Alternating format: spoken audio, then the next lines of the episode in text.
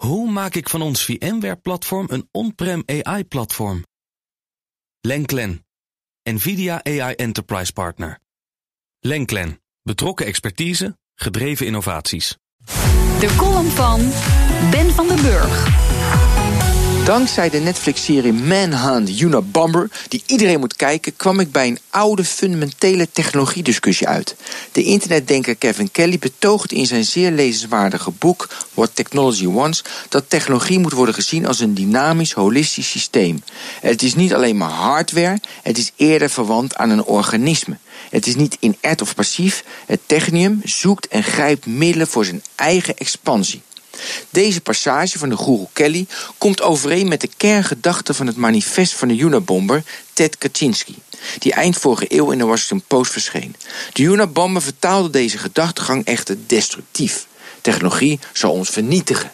Om gehoord te worden stuurde hij bombrieven naar mensen die iets met technologie deden. Boeiende constatering dat technologie ons vernietigt komt overeen met de waarschuwingen die Elon Musk en Stephen Hawking doen over kunstmatige intelligentie. Doordat weinigen technologie als een dynamisch, holistisch systeem zien, maar als een hulpmiddel om ons leven aangenamer te maken, vergroot je de kans op ontsporing. We nemen Facebook als voorbeeld.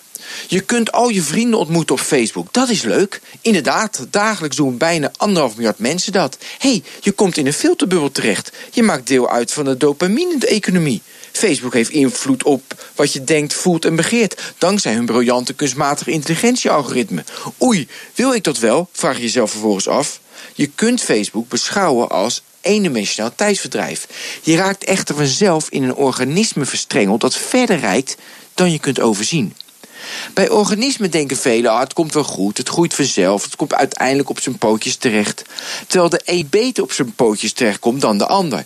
Als uit ieder onderzoek blijkt dat een slechte hechting bij jonge mensen gedragsproblemen, crimineel gedrag of de kans op psychiatrische aandoeningen vergroot, dan kun je als opvoeder beter zorgen voor een veilige hechting met een kind. Simpeler is het niet. Hetzelfde geldt bij technologie. Je kunt natuurlijk niet overzien wat bijvoorbeeld kunstmatige intelligentie in de toekomst voor ons in petto heeft. Zoals je ook niet weet of je kind het aardig gaat doen in zijn leven.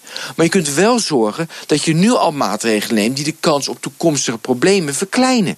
Denk in het geval van kunstmatige intelligentie aan transparantie van algoritmen, het gebruik van open source of het in acht nemen van iemands privacy. Als je dat namelijk niet allemaal doet, dan vergroot je de kans dat technologie net zo ontspoort als Ted Kaczynski als mens ontspoorde. En dat is weer Ben van den Burg. Hoe vergroot ik onze compute power zonder extra compute power?